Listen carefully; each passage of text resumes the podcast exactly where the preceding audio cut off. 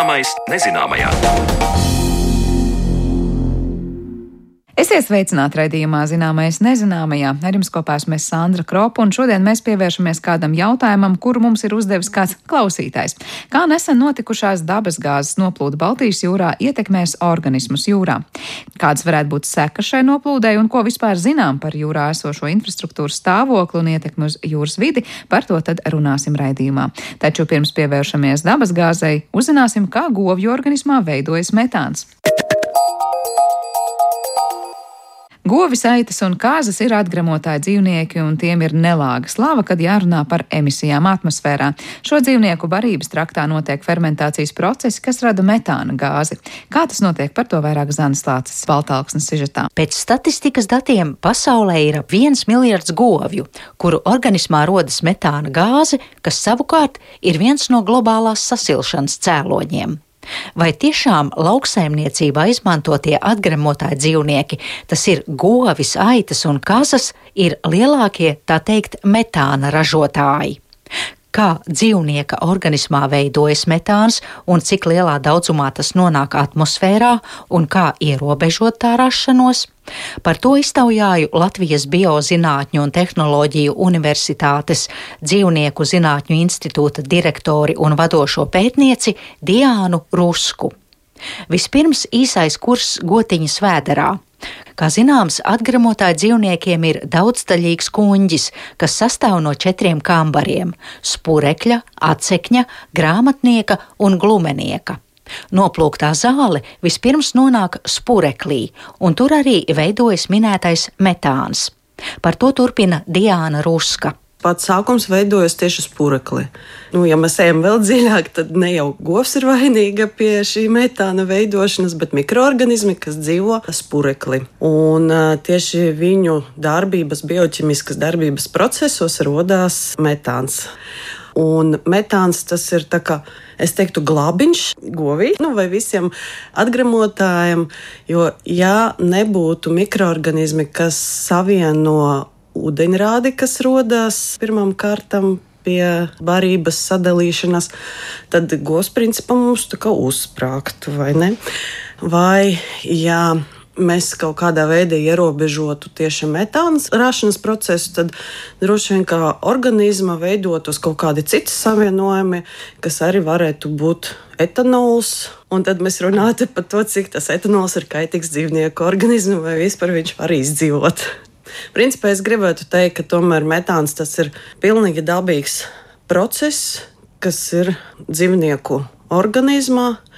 Un arī tas ir nepieciešams, lai neveidotos varbūt arī citi kaitīgi savienojumi, un arī ar ko tomēr mums jāsaudzē un jāmīl tie dzīvnieki un atgremotāji, ar to, ka mēs kā cilvēki nevarētu ar savu kuģi uzņemt eh, zāli vai jau tādu zāli, kas satur ne tikai tādā izpratnē, kā salātos mēs viņu lietojam, kamēr viņa ir svaiga un bagāta ar dažādām barības vielām tieši cilvēkam vajadzīgam, bet ja mēs jau uzņemtu tādu paaugošo zāli, tad mēs negūtu no tā sev nepieciešamas barības vielas, kas ir nepieciešamas cilvēkam. Bet uh, atgremotāji ir vienīgie unikāli dzīvnieki ar to, ka viņi spēj pārvērst it kā tādu netik vērtīgu produktu mums, cilvēkiem, ļoti labi patērējama, garšīga un arī nu, nepieciešama produkta kā piens un gaļa.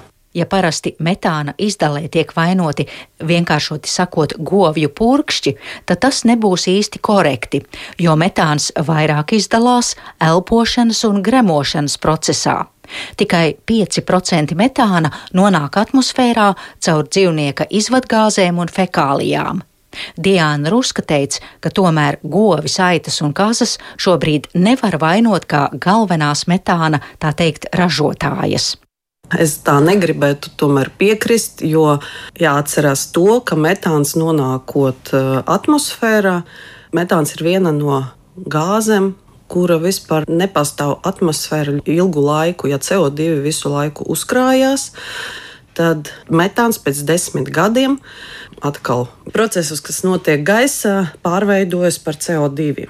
Un tādā veidā ir pierādīts arī pētījumos, ka to, ko dzīvnieks pats saražo metānu, tad, kad tas pārvēršas par CO2, mums veidojas tāds cikliskums. Šis uh, tieši apjoms eh, saražota metāna, kas parādās eh, ogliskāba gāze, nonāk pēc tam caur zālājiem, caur barību, ko uztver augi un asimilē to tieši CO2, pēc tam nonāk atkal dzīvniekā. Un, principā, šeit mums radās tās cikliskums. Ja mums tā viena govs ir saražojusi kādu zināmu apjomu ar uh, metānu, tad ar laiku viņš caur cikliskumu, atkal nonāk viņas barības galda, un atkal nu, tas ceļš turpinās.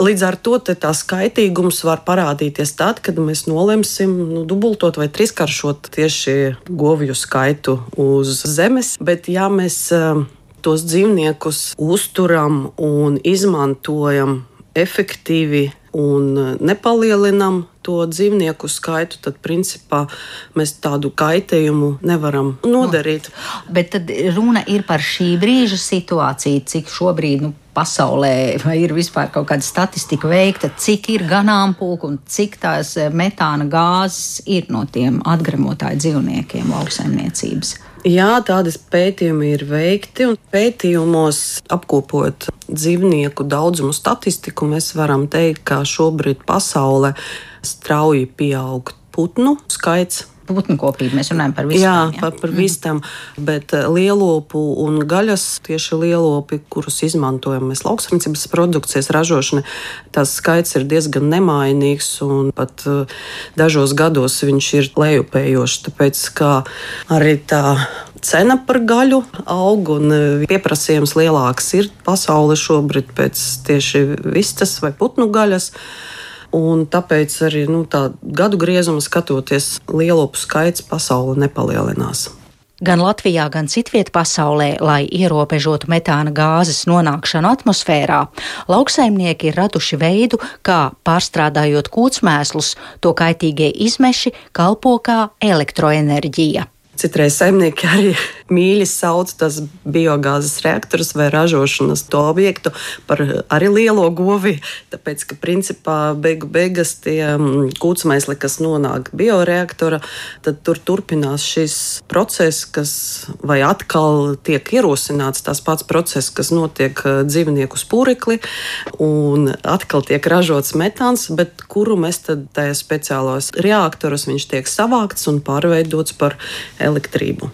Kā jūs skatāties, cik efektīvs ir šāds risinājums, kā kūtsmēslu pārstrāde elektrībā? Viņš ir efektīvs, un tas būtu ceļš, kuru mums iet. Vienīgais, tad jāstrādā vairāk inženierim, lai atrastu risinājumu arī priekš mazo fermu īpašniekiem, jo šobrīd tas piedāvātas sistēmas ir viņu izmaksas neizmērojamas ar to kūtsmēslu daudzumu, kuru varbūt ražo fermā ar 20 vai 30 gotiņām. Līdz ar to arī zemnieki nu, neizvēlas šo tehnoloģiju pielietot. Bet principā tas ir risinājums, kas šobrīd arī ļoti daudz zinātnieki pie tā strādā, kā atrisināt šo problēmu, šīs investīcijas bioreaktoru celtniecībai un izmantošanai un priekš tieši maziem piena ražotājiem vai lielopu gaļas ražotājiem. Pastāv arī korelācija starp saražotu metānu un apēstu barību un arī produktivitāti. Un, lai mēs saražotu vairāk, tam dzīvniekam vairāk ir jāapēd, un tāpēc viņš arī vairāk arī ražo gan produkciju, gan metānu. Ja. Ir atkal otrā puse, ir efektivitātes tāds slieksnis, kad mums arī nav izdevīgi turēt dzīvnieku, kas patērē bērību vairāk sevis uzturēšanai, nevis produkcijas ražošanai. Tad mums arī tas metāns radās nu, liekas. Ir arī veikti pētījumi, pie kura izslaukuma un efektivitātes sliekšņa sasniegšanas mums tas metāns nepaliek vairāk vai neefektīvāk tā ražošana, ka mēs varam teikt, ka tas dzīvnieks nu, neapēd to savu ciklu un nesaražo tik daudz un neapēd pēc tam tik daudz barības, lai kompensētu to metānu, kas bija radīts radies un pārvērties par ogliskābu gāzi un nonācis pēc tam augos. Tad viņš vairāk dod to pienu un, un, un gaļu. Tad mēs tā jā, nevaram jā, to rēķināt. Jā. Principā šobrīd pasaulē zinātnieki ir pievērsušies šai problēmai, kā ierobežotu metānu rašanas tieši dzīvnieku organismā. Ir pētījumi, kas meklē ģenetiskas noslēdzes dzīvniekiem, kas varbūt ir tieši vairāk efektīvi un mazāk ražo metānu, ir domāts arī par barības piedevam, kas ierobežot to mikroorganismu darbību spurikli, kas veicina to metāna ražošanu. Bet te vienmēr arī nu, paliek tas jautājums, tas salīdzinoši nesen tādi pētījumi, ka mums nav skaidri saprotama, piemēram, nu, tā ilgtermiņa efekts un ietekme. Mēs tagad saprotam to metāna samazināšanas mehānismu, bet kā tas ietekmēs ilgtermiņa dzīvnieku organismu? Kā garšos piens, vai kā garšos gaļa, vai kādas vai, vai kāda govīm, būs govīm veselība. Jo, tieši. kā jau minēju iepriekš, ja mēs ierobežojam metāna rašanas, jo Tur ir tās mehānisms, ka metāns rodas tāpēc, ka mums parādās CO2 un ūdeņrādis spūrekli, un tad eh, citi mikroorganismi savino šīs divas vielas, un tad parādās metāns. Ja, ja mēs šo saikni kaut kādā veidā pāraujam, tad nu, vienalga daba mums meklēs savienojumus. Un mēs vēl nezinām, kādi būs šie jaunie savienojumi un kādu ietekmi tie atstās uz apkārtējo vidi. Un, kā zināms, pētījumiem ir nepieciešams laiks, lai izdarītu secinājumus un tos novērtētu, teica Diana Ruska. Jā, mēs atrodam, kā, bet vai ilgtermiņā tas būs risinājums, kas būs pieņemams gan mums, gan dzīvniekiem. To mēs redzēsim. Par metāna gāzi lauksaimniecībā interesējās Zanelāts Baltāksne, bet par dabas gāzes noplūdu jūrā saruna pēc brīža studijām.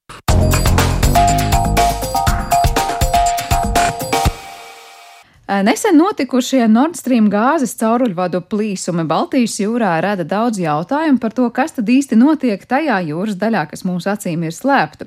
Vairāku desmitu metru dziļumā jūrā atrodas ne tikai gāzes vads, bet tur ir arī interneta kabeļi, vēja turbīnu, zemūdens daļas un citi infrastruktūras objekti. Šoreiz pēc klausītāju lūguma mēs raidījumā skaidrosim, kāda tad varētu būt šīs eksplozijas ietekme uz jūras vidi un vai maz zinām, kas notiek ar jūras gultnē esošo infrastruktūru. Un par to tad uz sarunu esam aicinājuši šeit studijā Latvijas Hidroekoloģijas institūta pētnieku Māris Kudru. Labdien! Sveiki! Tāpat arī telefoniski ar mums kopā ir valsts vidas dienesta ģenerāldirektora vietniece un zvejas kontrolas departamenta direktora Evija Šmita. Labdien! Mm, labdien!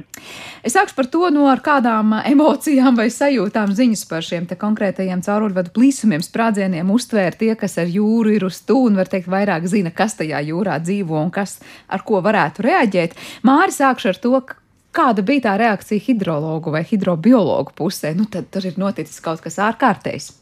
E, nu, par to reakciju tā grūti spriest. E, protams, ka e, tas bija diezgan e, skaļš notikums, bet, bet grūti spriest tādā ziņā, ka pie mums vismaz saistībā ar šo, šo metānu, kas ir lielākā daļa no dabas, dabasgāzes veido metāns, ir maz to pētījumu līdz ar to tā, tā interese, protams, ir, kas tur varētu notikt. Tāpat laikā, nu, man vismaz eh, mūsu institūta iekšienē nav zināms eh, kāds, kas būtu kaut ko iepriekš pētījis saistībā ar šo tēmu. Līdz ar to nu, tās jūtas ir dalītas. Skaidrs, ka nekas labs tas nav, un no otras puses ir grūti ļoti saprast dokumentēt, prognozēt, kā tad īsti tur tas varētu viss izvērsties, un, un, un cik daudz, vai cik un ko, un kurus, ko, ko tas ietekmēs. Nu.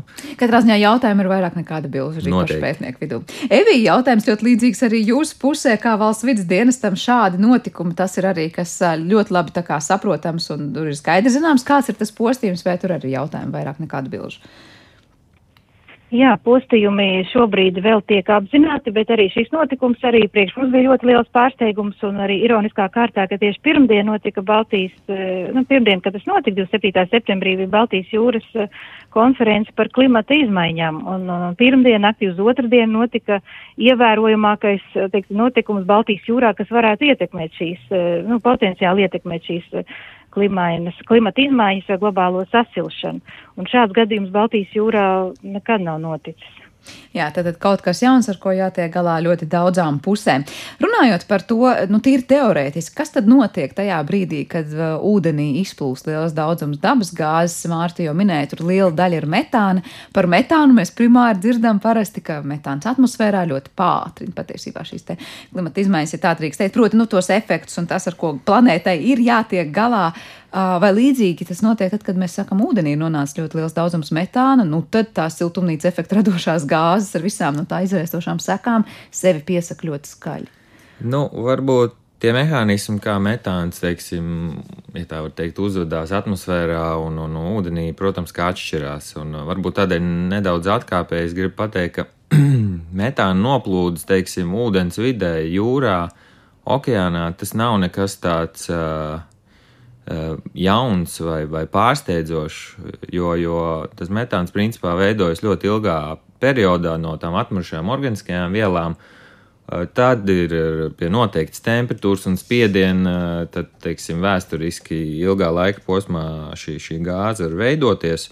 Un saistībā, piemēram, ar tiem pašiem naftas urbumiem, izpētes urbumiem, ir jau, ir jau diezgan pasen atpakaļ eh, pierādīts un pētīts arī pašā Ziemeļjūrā, ka šīs eh, meton, metāna noplūdes notiek.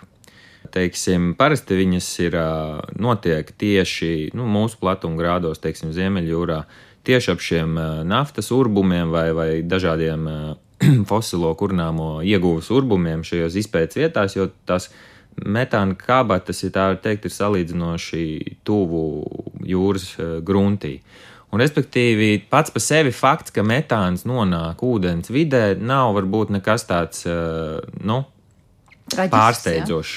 Jā. jā, jautājums, protams, ir par apjomiem. Un, un, un ja, ja, ja teiksim, ap šiem urbumiem, ja mēs to ņemam kā piemēru, tur, tur tie apjomi ir salīdzinoši mazi, ja tur tie burbulīši metāni ir kāds varbūt 1-2 cm diametrā, uh, plus, plus konkrēti to pētījumu, ko es lasīju, pētnieki bija izpētījuši, ka e, pie, pie šīm noplūdēm ūdens virsmā savukārt nevar novērot paaugstinātu metānu, metānu daudzumu. Tas nozīmē, ka viņš tajā ceļā no jūras grunts līdz ūdens virsmai jau ir izšķīts ūdenī. Lai arī metāns pats par sevi diezgan slikti šķīst ūdenī, tas apjoms ir, ir, ir salīdzinoši mazs un viņš iš, izšķīst.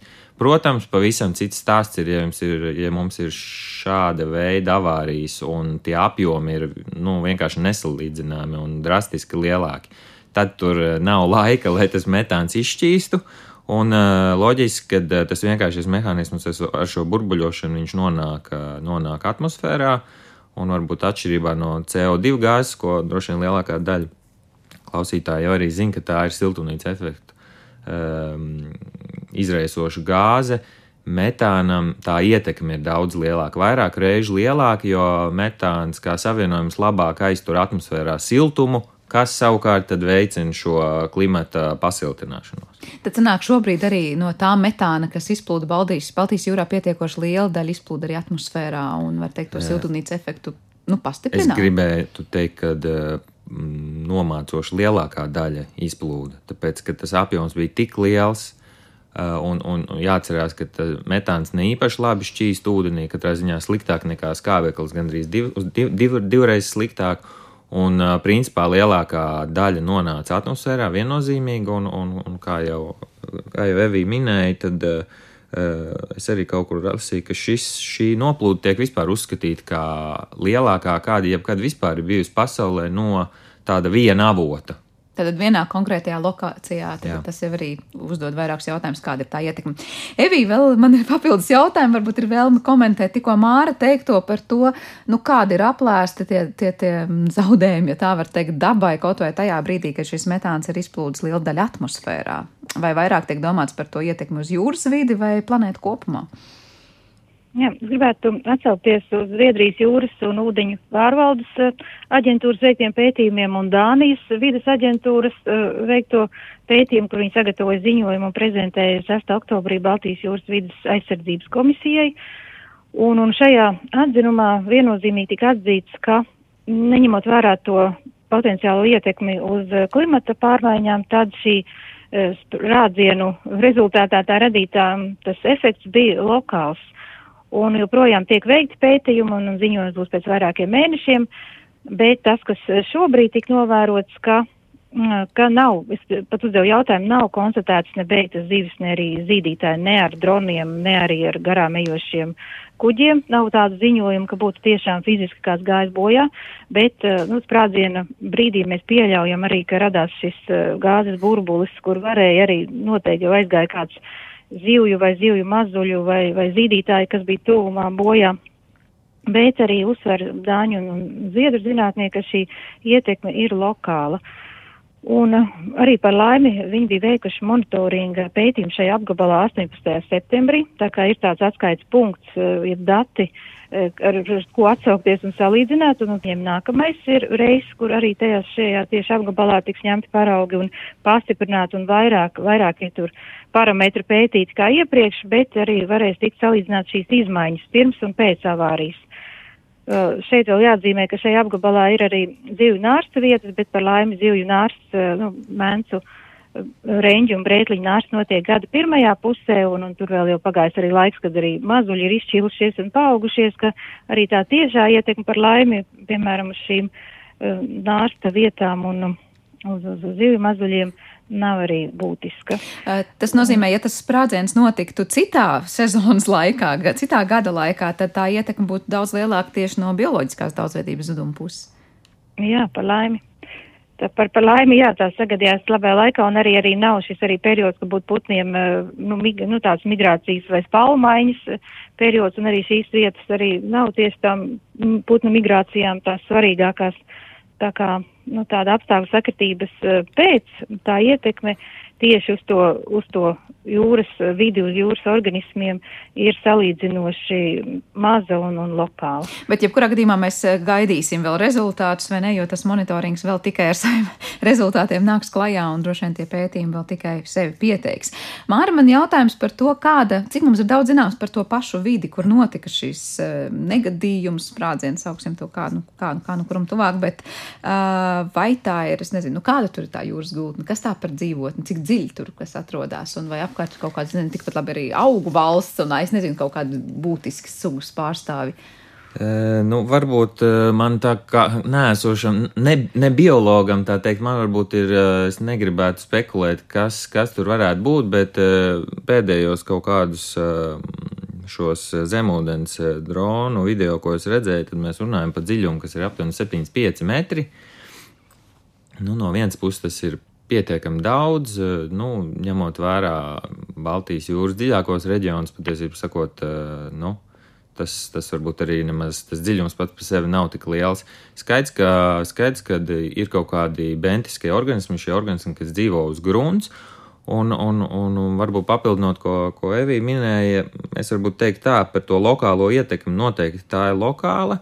Un tad es varbūt tā nedaudz ieskicējot, varētu teikt, ka eh, līdz ar to šie organismi, kur ir varbūt mazāk mobili un kuri ir ap šiem reģioniem, es tā prognozētu, ka tā ietekme uz viņiem varētu būt lielāka. Protams, skaidrs, ka eh, zivis un, un, un, un citi organismi, kas ir vairāk kustīgi un mobili, nu, viņiem, teiksim, tā vienkāršot sakot, nav problēma no šiem reģioniem paiet tālāk, ja viņi jūt, ka viņiem nav komfortabli tajos.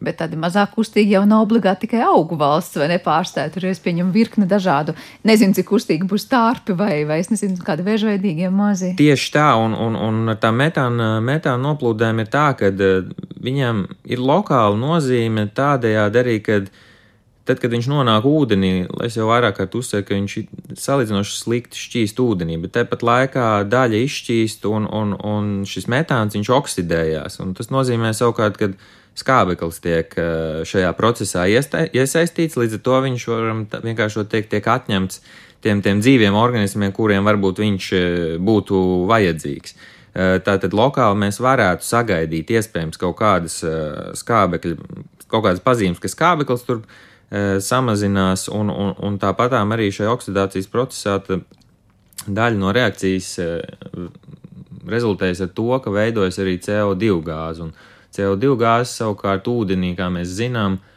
principā arī varētu teikt, ka nav laba, jo viņa pazemina pH līmeni. Proti, paskābina jūru. Jā, tieši tā. Nu, tās būtu tādas lokālas divas lietas, kas notiek pie šāda gadījuma. Nu, tāpat laikā, nu, ūdens kustās, ūdens masas kustās, mums ir traumas līdz ar to Eh, es pieļauju, ka arī veicot šos pētījumus, eh, kas, kas tagad noteikti tur eh, sekos, nu, es pieļauju, ka iespējams arī neatradīs nekādu ļoti lielu pēkšņu signālu par to, ka skābeklis ir samazinājies. Bet tikpat labi, ja tās traumas tur mainās un notiek, var teikt, ka, piemēram, daudz skābāks ūdens. Ja, proti, mēs zinām, uh, tiem organismiem, kam ir čaulas, ja tas diezgan apgrūtina dzīvi un, un pasliktina situāciju, tā ietekme būtu kaut kur nemanāmāk tālāk. Proti, neviens varbūt neskatīsies dažus kilometrus tur vai, vai pāris simtus kilometru. Jā. Ļoti, ļoti grūti tiešām pateikt, jo, jo es baidos, ka šobrīd nav īsti nevienam skaidrs, kāds ir tas mehānisms. Uh,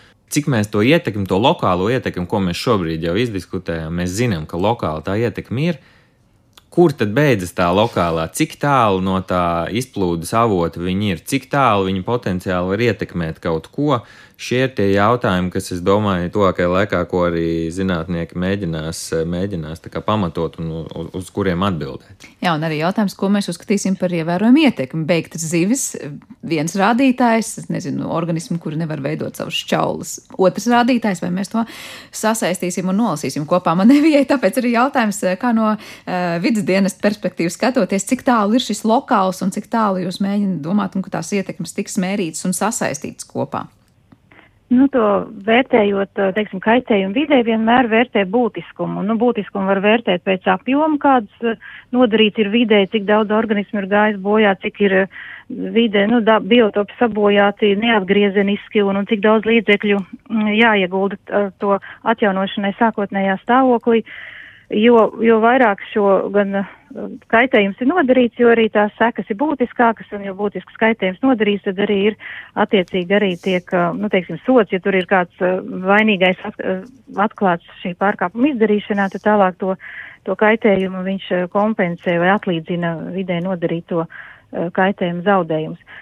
Bet par, par iepriekšējo papildināt vēl iepriekš teikto gribētu teikt arī, ka okeānā ir tādas baktērijas, kas arī patērē uh, metāni, nu, vienkāršot sakot, barojas ar metānu un, un šo arī to dāņu pētnieci, kas arī ņems mikrobioloģijas paraugus un uh, viņi arī pētīs, cik arī daudz ir uh, pēc šo mikroorganismu iespējamās tās savairošanās, viņi varētu varbūt noteikt arī tik, cik, cik tas daudz metāns tomēr ir ūdenī ir um, no, izšķīdis un, un, un palicis, bet jāatzīmē arī, ka šī bioloģiskā tā metāna patērēšana ir ļoti arī lēns process, tā kā ja viņi arī um, tur arī tas, ja tur neliels daudzums ir, tas arī tiks arī lēni arī noārdīts, bet gribu atsaukties uz pasaules pieredzi, ka Meksikas līcī notika naftas un gāzes urbums sprādziens 2010. gadā.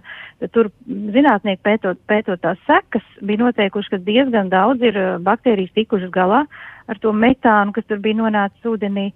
Um, diezgan pat uh, rakstīja, ka pārsteidzoši daudz, jā, tas metāns tur bija tieši mikrobioloģiski patērēts vai noārdīts, bet Tad, tur bija arī citi apstākļi. Jā, bet var domāt, ka Baltijas jūrā, nu, lūk, šādas te konkrētas baktērijas, piemēram, palīdzētu jūrai atgūties, vai tā kā minējāt, tas apjoms varētu būt tik mazs un tik lēns process, ka tas neko daudz nemainīs. Nu, es, eh, tur, bija, tur ir aspekts, ka tas, nu, tas bija sprādziens, un tas, kā gāze uh, ar, ar, ar nu, gan, gan sprādzienu, gan lielu zemes spiedienu, atrodoties lielu spiedienu rezultātā nokļuva atmosfērā. Tas uh, nebija tā, kā viņš, piemēram, dabā, ja metāns pakāpeniski un, un, un, periodiski izdalās, kur arī baktērijas var uh, noārdīt un, un pielāgoties. Šeit tas bija kā sprādziens, kad noteikti lielākā daļa arī nokļuva atmosfērā. Un varbūt tā daļa, kas izšķīda, varbūt tā būs pieejama baktērijām, bet to mēs redzēsim, vai būs palielinājies šo teiksim, šo baktēriju, šo mikroorganismu skaits. To.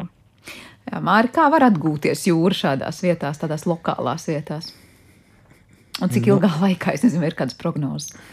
Arī, arī, arī miljonus vērts jautājums, bet, bet nu, es droši vien gribētu vēlreiz uzsvērt, ka tā ietekme šajā tieši mūsu gadījumā, nu, viņa viennozīmīgi lielākā būs atmosfērā nekā ūdenī. Par to atgūšanos arī, nu, ja mēs skatāmies lokāli, lokāls efekts mums ir, tāpat laikā mums arī, arī ūdens vidē nekas nestāv uz vietas. Līdz ar to, ja arī mums lokāli mm, pēc šīm noplūdēm tās pirmās dienas, kad īsti tur neviens klāt netiek un ir aktīva tā metāna burbuļošana un, un, un, un izdalīšanās, tad noteikti tur skābekļa daudzums samazinājās, iespējams, pH līmenis arī nokritās. Tad neatmasīsim, kad, kad mums ūdens ir tāda vide, kur viss ir kustībā, Un šis noteikti nav tāds, ja, ja mēs runātu par, par pašiem dziļākajiem Baltijas jūras slāņiem, tad varbūt būtu nedaudz savādāk. Tur šī ūdens apmaiņa tomēr un kustība varbūt ir eh, nedaudz limitētāka. Bet 75 metru dziļumā mums ir tāpat piegrunts straumes, kuras kustās, ūdens sajaucās, un, un nu, man no tā, ko no savas pieredzes, no tā, ko es zinu, man gribētos prognozēt, ka, ja arī tas, piemēram, runājot par skābekli, ja viņš tur eh, šī metāna izplūdes rezultātā ir, ir, ir, ir samazinājies, tad eh, nu, tā man prognoze būtu, ka eh, nekas traks tas nebūs, jo šī apmaiņa veicinās to, kad atnāks jauns ūdens masas, samaisīsies. Un, Jā, tad patiesībā laikam atbildēs man nākamo jautājumu, vai varētu būt tā, ka Baltijas jūrā ir veidojušās tādas nu, jaunas bezskābekļa atkal vietas un zonas, par kurām mēs dzirdam, bet tās laikam parasti ir krietni dziļāk, kur tā apmaiņa nenotiek, un šī noteikti vieta nebūs tā, kas ilgi paliks bez nu, skābekļa. Es gribētu prognozēt, ka šai nevajadzētu būt tai vietai, jo, jo nu, Baltijas jūrā tā robeža šķirtne starp virsējiem un apakšējiem ūdeņiem parasti ir kaut kādi 60 līdz 80 metri kad mums ir šis sāļuma lēciens lānis, kas, kas traucē tām ūdens masām samaisīties. Ja? Bet, nu, teiksim, 75 metri, protams, ka viņi ir uz robežas, bet uh, ir, ir stipri atšķirīgi mehānismi, kā mums skābeklis tiek patērēts un cik viegli viņam ir atjaunoties, teiksim, tajos pašos 70 metros vai 200 metros. Jā, jūra ar savām konkrētajām vietām, dziļuma ziņā, protams, ir kā tāda atsevišķa pat vidas, ja kurā viena procesa notiek un citi nenotiek tik ātri vai lēni, kā gribētos. Es gribēju kopumā pavaicāt jums abiem, varbūt Devijai primāri par to, cik ļoti daudz vispār Baltijas jūrā varbūt šis gadījums arī lika mums padomāt par to, nu, es nezinu, cik aizsargāta ir tā infrastruktūra, kas tur ir, cik daudz mums tur ir visa, kā kuram ir vai, nu, tad nav lielāks ietekmes uz vidi. Ja mēs runājam par gāzes vadu, tas ir viena lieta, tāpat es saprotu, mums ir daudz dažādi citi sakaru kabeļi un arī turbīnu zemūdens daļas, kādos dziļumos tās ir un kādās vietās, lai tās ietekmētu vai neietekmētu tur lokāli notiekošo. Evī, sākšu ar jums. Jā, jebkura hidrobūvju būvniecība jūrā, e, tieši tāda starptautiska liela projekta gadījumā prasa ietekmes uz vidu novērtējumu, kas arī šajā Nord Stream gadījumā tika veikts, un, un es gribu atzīmēt arī, ka Nord Stream būvēja ka mm, tā būvniecības tas rajons apgāja tur īpaši tāds aizsargājums, tur biotopus, arī nogremdēto kaujas ieroču e, vietas, ka arī tas um, cauruļvads nebija izbūvēts tieši caur tām pašām jutīgākajām aizsargājumām teritorijām, līdz ar to ir notikusi šī avārijas sprādziens, tas arī tā ietekme mazāka. Bet vērtējot to ietekmu un risku, neviens, protams, nu, nerēķinās vai par, uz, uz, par maz ticamu atzina šādu uh, šādu eksplozijas gadījumu, vairāk izvērtēja tur, nu, iespējamu, nezinu, kuģa avārijas un, un zemūdens eh, tur ietriektos, kas arī bija maz, ar mazu risku iespējamību. Šādu, tur, protams, neviens nebija novērtējis, bet, ja vispār ņem par visām komunikācijām, kas ir jūrā, tās ir ļoti daudz, ja mēs eh, pat lasīju, ka 98% vispār eh, tā sakaru komunikācija notiek zem, pa zemūdens kabeļiem okeānā, varbūt šobrīd varbūt jums mazāk, bet arī ir Arī Baltijas jūrā ir šie sakaru kabeļi un, un optiskie kabeļi, mm, kas ir, kas ir gan savieno austrums un rietums. Un, bet šo ietekmi arī galvenā ir tas, kas būvniecību uz šo kabeļu likšanu, jo pats kabelis ir salīdzinoši mazs, 17 līdz 22 mm diametrā un, un inertiem materiāliem, ka viņš tādu kā piesārņojumu uh, nerada, bet arī esmu lasījis pētījumus, ka vēl ir, ir jāpēta atsevišķi aspekti, tur elektromagnētiskais lauks un, un, un sasilšana un kaut kādi tādi, kas līdz šim nav pētīti, bet tas vispārējais atzinums, ka šiem kabeļiem kā tādiem ietekme uz vidi ir nu, minimāla vai nekāda, un ja tāda ir, tad tā ir galvenā būvniecības uh, procesā. Bet par ko es minēju, par to aizsardz, aizsardzības un ap, apsargāšanas to momentu, to Baltijas jūrā līdz šim neviens nav pievērst uzmanību, bet tagad ir mainījusies uh, ir, ir situācija, un kara gadījumā šis, šis eh, jautājums arī ir aktualizējies. Tā kā par to var teikt, sāk domāt tagad tikai, nu, kā tieši pasargāt no dažādiem uzbrukumiem šo infrastruktūru. Un jā, jo arī kā cauruļvads tika izbūvēts draudzības vārdā un, un sadarbības vārdā starp, starp, starp Krieviju un Vāciju, un, un, un domāju, ka tas būs mūžīgi, bet tas tā nebija. Jā, lietas mainās, bet Māri, vai tev ir piebilstams par to, kādas ietekmes uz vidi rada šie kabeļi un, un citas komunikācijas? Nu, es domāju, ka Evija jau diezgan labi pateica tās pamatlietas, kas, kas šai tematikā ir, un tas, ko varbūt es gribētu pieminēt, ka uh, Nu, šis ir tas gadījums, kad uh, negatīvā ziņā šis bija unikāls gadījums. Un, un kā jau Evija teica, bija visi ietekmes vidi novērtējumi veikti. Tad pēc labākās sirdsapziņas visi šie būvdarbi tika mm, veikti un izpildīti un maksimāli ņemts vērā visu iesaistīto pušu intereses. Bet, nu, es personīgi uz to vismaz skatos tā, ka, uh, nu, Mēs varam darīt visu pēc labākās sirdsapziņas, bet nu, šis nu, ir tas gadījums, ko nu, neviens nevarēja paredzēt. Un es īsti arī neredzu mehānismu, kā mēs teiksim, varam nākotnē no tā izvairīties. Jā, nu, tad mums ir tiešām tur ir jābūt, lai jā, visu laiku kādam, kas droniem, kas novēro, kas uzmana, kas regulē, nu, kaut kāda tiešām tāda uh, sava veida zemūdens apsardzē, lai mēs būtu, teiksim, salīdzinoši droši, ka tas nevarētu atkārtoties. Nu, uh, Nu, tā kaut kā. Jā, par to izskanēja pēc šī gadījuma arī sociālajos tīklos gana daudz eh, viedokļu par to, ka vai vispār tur ir pietiekoši noslēgta šī vide, jebkuram, kurš vēlas veikt dažādas, eh, varbūt ne tās labākās darbības. Proti, ka 75 metru dziļums jau arī nu nav pavisam 275 metru dziļums, lai gan, protams, tie nav arī 27 metri.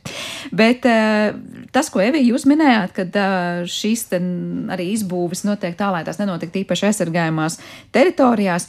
Mēs varam teikt, ka šis gadījums parāda, kāda ir nozīme šīm aizsargājumām jūras teritorijām, jo, ja, piemēram, šis konkrētais sprādziens notiktu īpaši aizsargājumā jūras teritorijā, mēs droši vien varētu teikt, ka tās ietekmes un zaudējumi ir krietni lielāki, jo tajā brīdī varbūt tur būtu bijuši daudz vairāk gan zemūdens iemītnieki, gan varbūt kaut kāda nārsta procesa, nu labi, varbūt citā gada laikā būtu notikuši, bet uh, kāds ir jūsu redzējums vai tās aizsargājumās jūras teritorijas tiešām pasargā konkrētas dzīvotnes kaut vai no šādiem gadījumiem?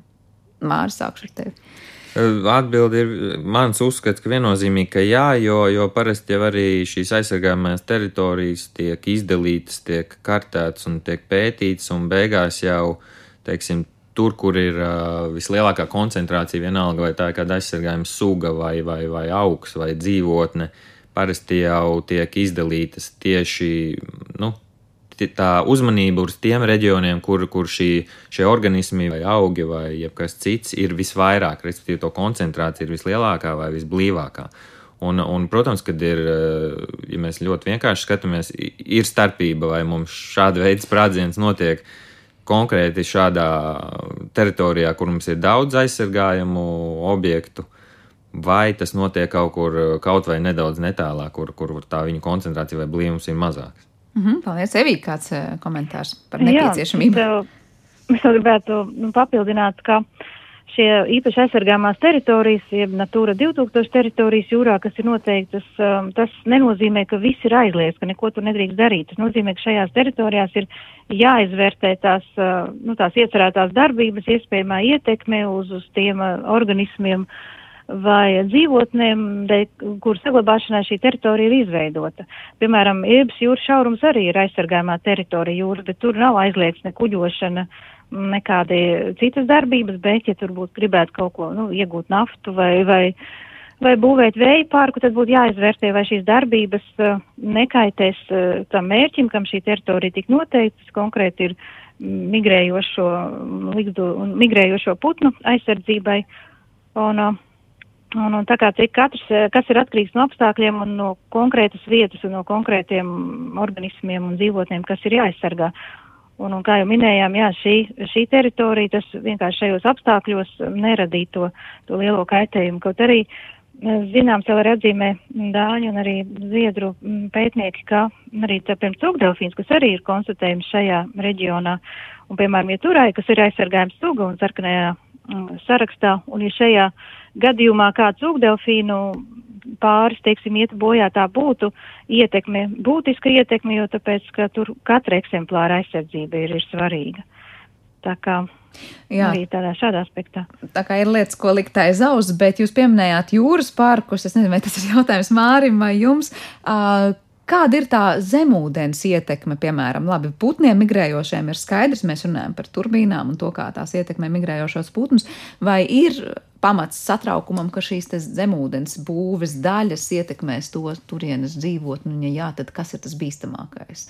Nu, viens, kas man nāk uzreiz prātā, ir paš, paš, paš, pats būvniecības process, tas nozīmē troksnis. Tas ir tikai tad, tajā laikā, kamēr ir būvniecība, vai arī pēc tam tas ir kaut kas tāds. Es pieļauju, ka te varētu arī būt kaut kāds stāsts pie noteiktām tehnoloģijām. Jau Evija minēja kaut kādi magnetiskie lauki, kaut kāda šāda veida signāli, bet, teiksim, ja man jādomā tie ir pa praktisko pusi, kad kaut kas tiek būvēts, tad eh, noteikti vidi ietekmē troksnis. Arī, teiksim, eh, šāda veida sprādziens.